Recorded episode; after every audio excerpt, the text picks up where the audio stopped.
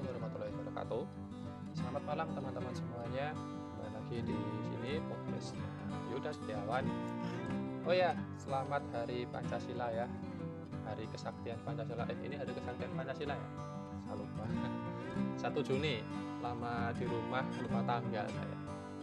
Uh, tapi kali ini saya nggak pengen ngomongin soal Pancasila deh, karena ya bakal banyak uh, tafsir, bakal banyak pendapat, dan nantinya saya bisa jadi buronan lagi kalau ngomongin seperti itu.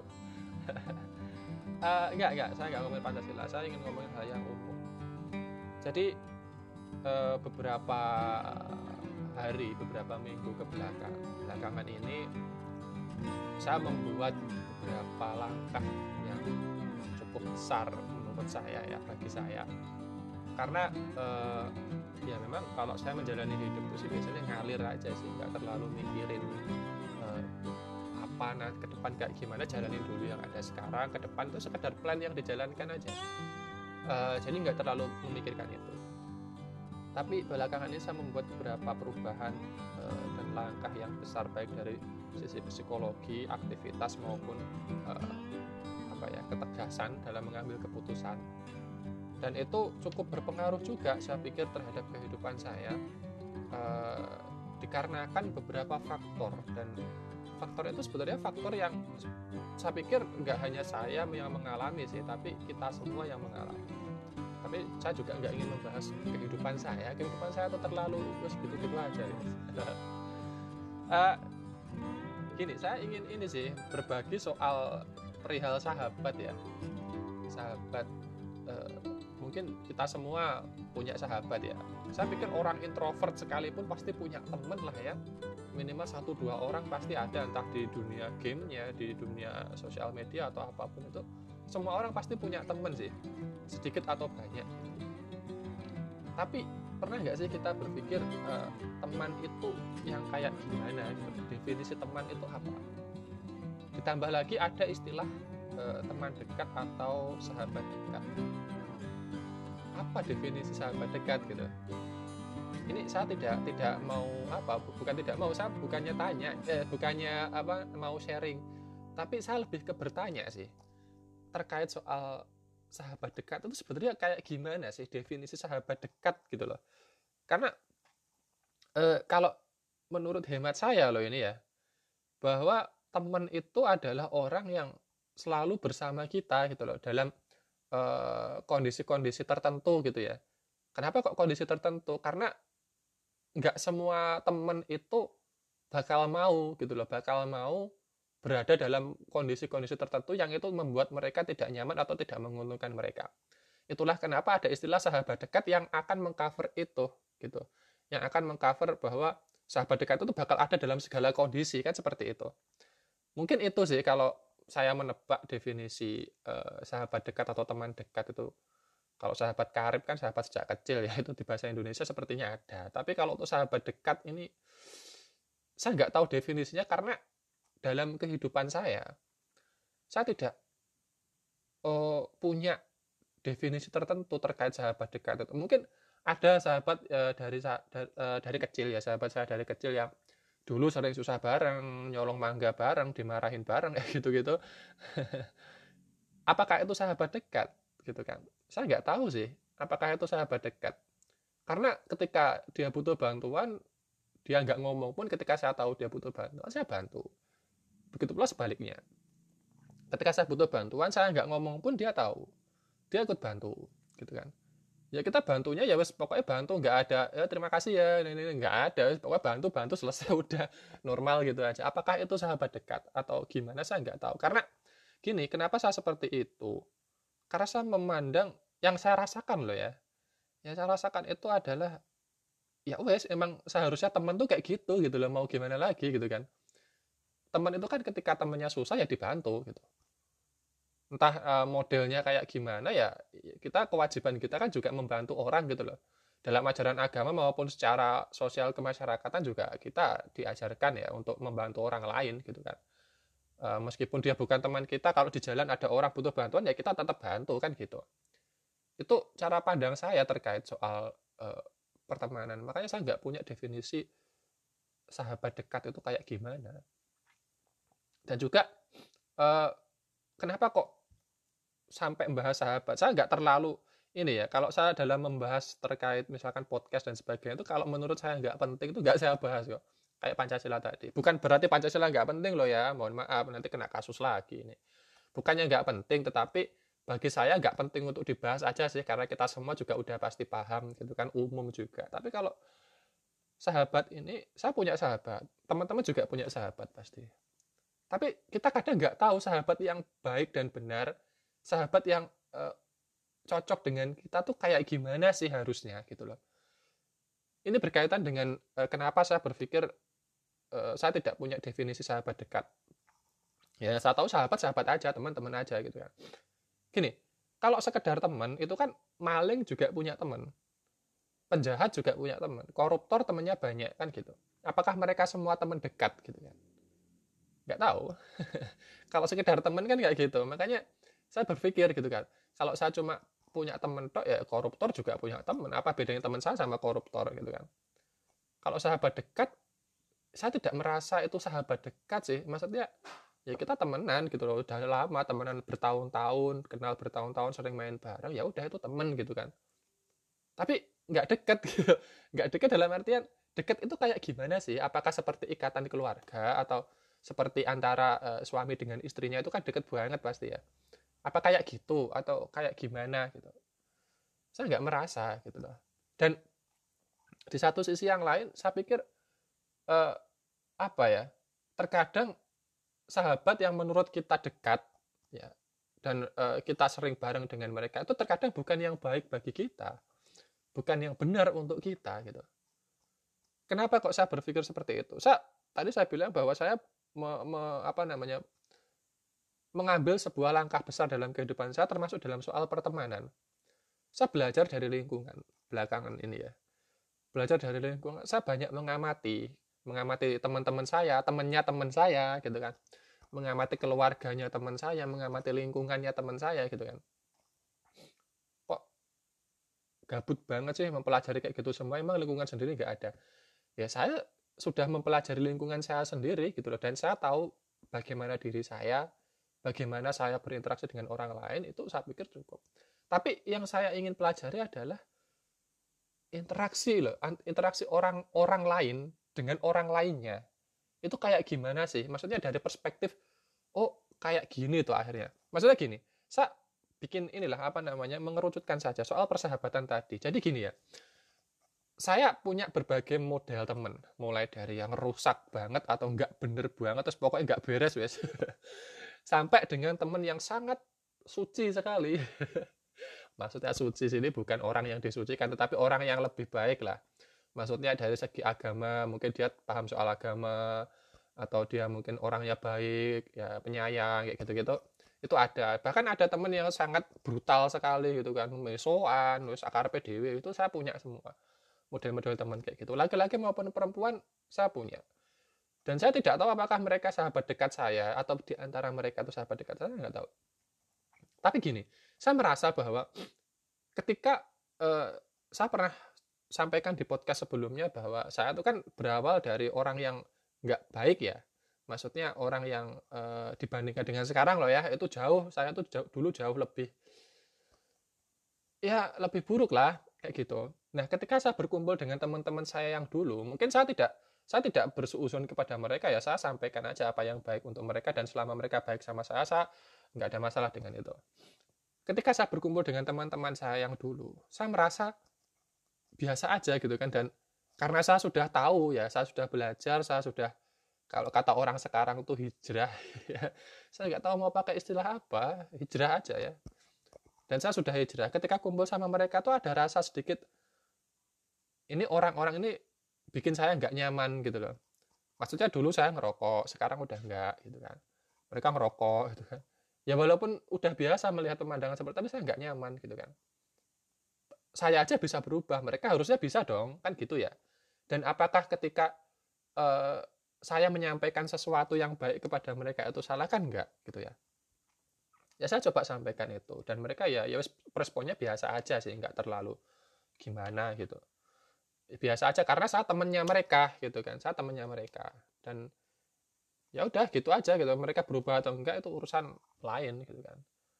Intinya saya agak sedikit nggak nyaman karena saya sudah merasa lebih baik gitu. Atau mungkin ya itu perasaan saya aja. Tetapi ketika kumpul dengan orang-orang yang bisa dikatakan suci tadi ya saya nyaman-nyaman aja gitu loh. Tapi ada kadang ada sisi nggak nyamannya juga sih. Nanti saya jelaskan. Nyaman maksudnya lingkungannya tuh uh, pas untuk saya yang sekarang gitu ya. Pas untuk saya yang sekarang. Tapi ada sisi yang tidak nyaman juga gitu kan ketika ya mungkin paham agamanya itu terlalu ekstrim misalkan ya terlalu memaksakan orang lah itu kan membuat kita nggak nyaman. Saya pun nggak nyaman sih walaupun sebenarnya ngerti yang dia sampaikan tuh ya benar ada dalilnya ada dasarnya tetapi terlalu memaksakan akhirnya saya nggak nyaman kayak gitu Uh, tapi nggak saya jauhi sih. Begitu pula teman-teman saya yang tadi walaupun saya nggak nyaman nggak saya jauhi dan tetap kita temenan kumpul biasa gitu. Maksud saya gini uh, harus nggak sih kita tuh milih temen gitu loh? Karena kemarin saya uh, baca status teman ya itu kita harus pandai-pandai memilih teman.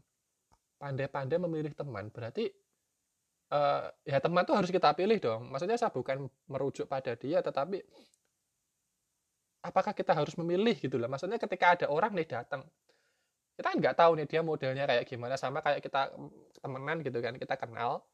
Pertama kali kan kita nggak tahu nih orang selengean atau gimana kan nggak tahu. Orang datang penampilannya misalkan celananya sobek tatoan dan sebagainya. Itu kan salah satu indikator orang nggak bener ya taruhlah gitu ya. Apakah kita harus menolak mereka atau tidak menerima mereka? Dalam artian ini bukan contoh teman yang baik nih apakah kayak gitu? Saya saya berpikir saya bertanya posisinya bukan bukan mau memutuskan sih bukan mau ngasih nasihat. Saya benar-benar mempertanyakan ini karena salah satu langkah yang saya buat ya langkah besar yang saya buat itu adalah termasuk soal ini juga gitu loh. Saya memikirkan definisi-definisi kayak ini. Karena itu akan mempengaruhi diri saya. Uh, ketika saya memilih sesuatu dan itu uh, apa model bahasanya ya? Ketika saya memilih sesuatu ya saya akan jalankan itu gitu loh dan otomatis sesuatu yang saya pilih itu akan mengubah diri saya dong. Seperti saya hijrah itu kan karena saya memilih. Gitu. Nah, apakah orang yang tadi kayak gitu tuh tidak kita pilih sebagai teman? Karena kalau kita memilih teman, ya pasti orang-orang kayak gitu dari luar aja udah nggak nggak layak gitu loh. Nah, kalaupun kita jangan suuzon dari penampilan, misalkan suuzon itu berburuk sangka dari penampilan ya. Yaudah kita terima dulu. Pun orang-orang yang sudah hijrah tadi juga akan merasa nggak nyaman. Saya pikir seperti itu. Nggak nyaman dengan mereka. Maksudnya kan penampilannya kayak gitu, misalkan kita pakai gamis, pakai apa namanya, pakai baju koko ya, baiklah orangnya mandi bersih lah, mereka kayak gitu misalkan.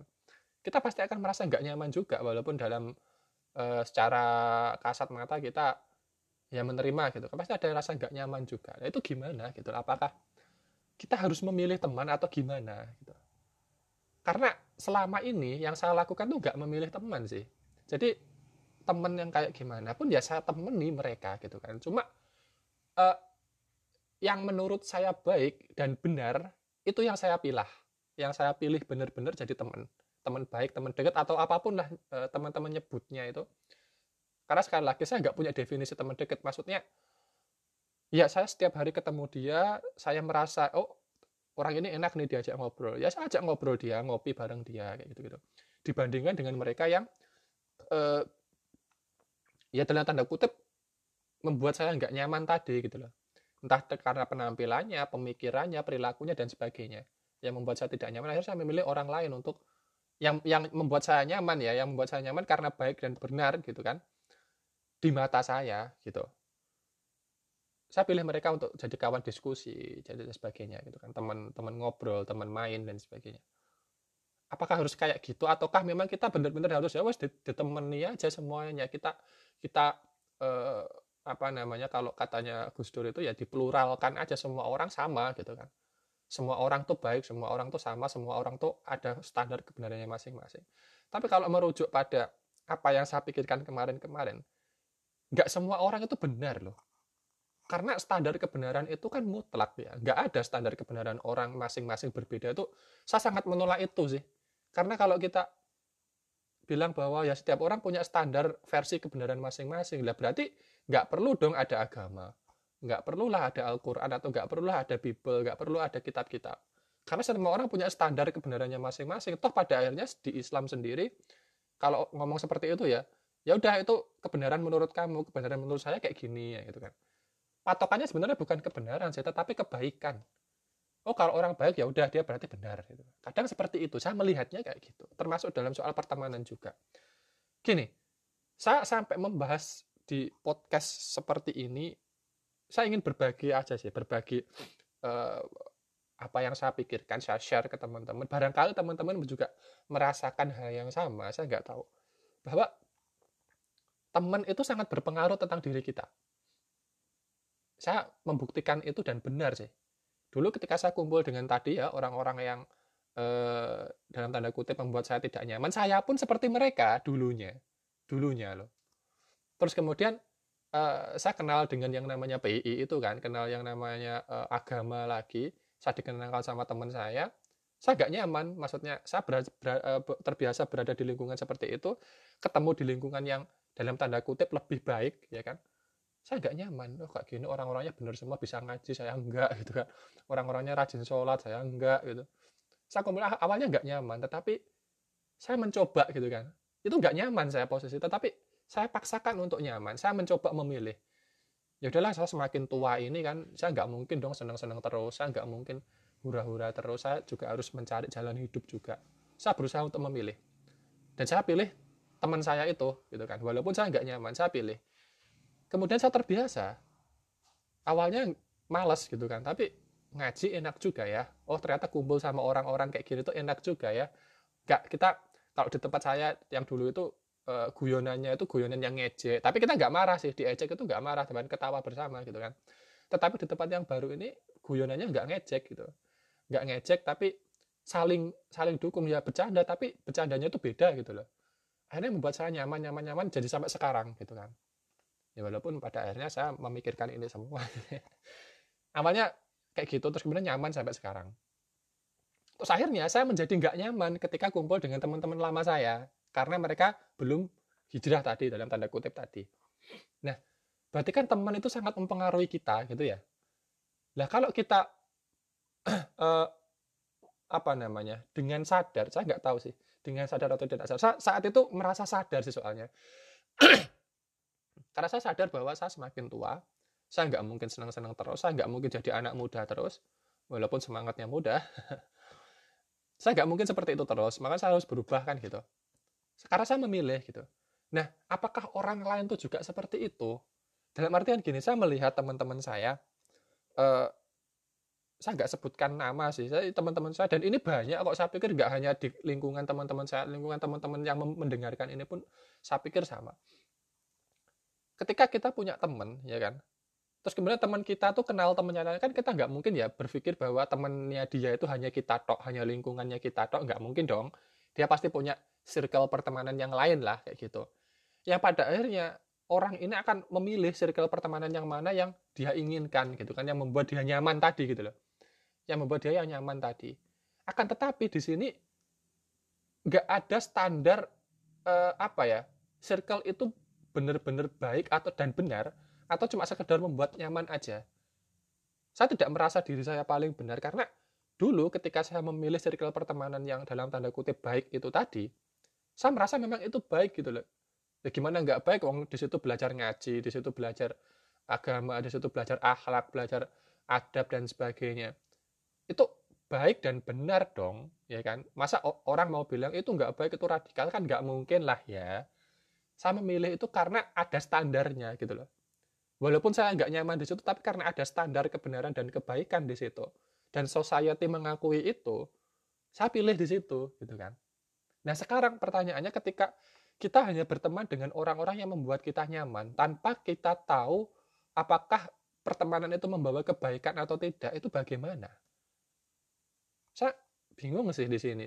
Saya dari tadi 20 menitan ini ngobrol panjang lebar tuh hanya untuk pertanyaan ini gitu loh. Hanya untuk kalau kita memilih circle pertemanan tanpa standar kebaikan dan kebenaran yang jelas dan hanya tentang kita nyaman di situ, Kira-kira apakah itu membawa kita kepada kebaikan atau tidak? Karena yang sudah-sudah pengalaman saya, saya nggak tahu pengalaman orang lain. kalau kita hanya sekedar nyaman saja bisa jadi dalam tanda kutip bisa jadi itu membawa kita kebaikan atau justru malah sebaliknya tidak akan membawa kita kebaikan justru akan mensesatkan kita. Dalam artian gini banyak teman-teman saya ketika sudah baik ya saya tidak menyebut lingkungannya itu memang lingkungan baik ya memang lingkungannya baik sih tapi saya sebut itu sebagai orangnya saja orangnya sudah baik.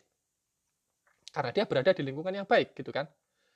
Nah karena berbagai faktor ya eh, apalagi faktor yang saya sudah sebutkan di podcast podcast saya sebelumnya faktor apa itu karena berbagai faktor dia berpindah ke circle pertemanan yang lain nah ketika dia berpindah ya orang-orang ini berpindah ke circle pertemanannya dia masing-masing hal-hal baik yang sebelumnya dia lakukan itu tidak dia lakukan lagi karena dia merasa berbeda circle pertemanan dengan yang ya, apa namanya circle pertemanan yang baru circle pertemanan yang baru ini berbeda dengan circle pertemanan yang lama. Yang mana kultur yang dia lakukan di circle pertemanan yang lama itu tidak dia lakukan di circle pertemanan yang baru karena pertemanan yang baru ini tidak melakukan itu. Akhirnya apa? Mereka ini terbawa pada kultur dan lingkungan yang baru yang mana kita tidak tahu apakah itu baik dan benar atau tidak. Karena tidak ada standarnya tadi yang saya bilang. Tidak ada standar, ini sebenarnya baik dan benar nggak sih? Kalau baik doang, semua orang baik kok saya pikir. Tuhan tidak menciptakan kita itu sebagai orang yang jahat kan? Kita sepakat itu. Tapi kalau kebenaran, itu kan standar yang mutlak harusnya. Tidak ada, saat bilang tadi, tidak ada yang namanya orang punya standar kebenaran masing-masing. Standar kebenaran itu mutlak gitu loh, ditinjau dari satu satu sumber gitu. Entah apa pun sumbernya ya, itu kalau di agama ya berarti kitab sucinya dong. Kitab sucinya itu menjadi sumber kebenaran gitu kan apalagi agama itu kan mencakup segala aspek kehidupan termasuk pertemanan gitu. Ya agama sampai kepada kita khususnya yang muslim itu kan karena temannya Nabi dulu sahabatnya Nabi itu menyampaikan gitu kan. Coba kalau sahabatnya Nabi itu orang-orang yang e, nggak menyampaikan misalkan mohon maaf sebelumnya ya nggak akan sampai kepada kita Islam itu. Karena sahabat itu orang-orang yang baik dan menyampaikan dan mereka itu benar orang yang fakir orang yang jujur ilmu itu sampai kepada kita secara utuh gitu loh ini menunjukkan bahwa pertemanan itu menentukan diri kita gitu. bukti bahwa lingkungan kita tuh akan membentuk kita. Makanya sekarang saya memilih itu kan. Maksudnya langkah besar yang tadi saya buat itu adalah memilih pertemanan juga gitu. Bagaimana eh, eh, apa namanya teman yang saya pilih itu meskipun saya tidak nyaman ya awalnya awalnya tidak nyaman tetapi ketika mereka punya standar istilahnya standar kebenaran yang itu semua orang mengakuinya dan itu benar saya lebih memilih mereka gitu. Walaupun saya nggak nyaman. Karena barangkali di sana ada hikmah ada e, hal baru yang akan mengubah hidup saya menjadi lebih baik. Saya nggak tahu kan? Yang saya tahu adalah mereka orang yang baik dan orang yang benar. Minimal minimal orang yang berusaha menegakkan kebenaran orang yang berusaha menegakkan kebenaran itu kan dia berusaha untuk benar sih. Kecuali orang munafik ya orang munafik itu kan ngomong gini gini gini tetapi dia tidak melakukan gitu. Uh, itu sih kalau dari apa yang saya pikirkan mungkin rumit bagi teman-teman tetapi saya berusaha men-share ini semoga aja ada yang ya berpikiran sama sehingga kita bisa berbagi kayak gitu. Itu mungkin uh, keresahan saya dan ya semoga uh, ini menjadi apa ya pelajaran lah bagi saya ketika mengambil keputusan itu. Ya jangan sesali keputusan itu karena kita yang milih juga kan ya. Kita yang milih dan ya semoga kita semua diberikan petunjuk oleh uh, Allah oleh Tuhan semesta alam untuk diberikan kekuatan dalam menjalani kehidupan kita. Amin. Mungkin itu saja dari saya. Sekian. Selamat malam. Assalamualaikum warahmatullahi wabarakatuh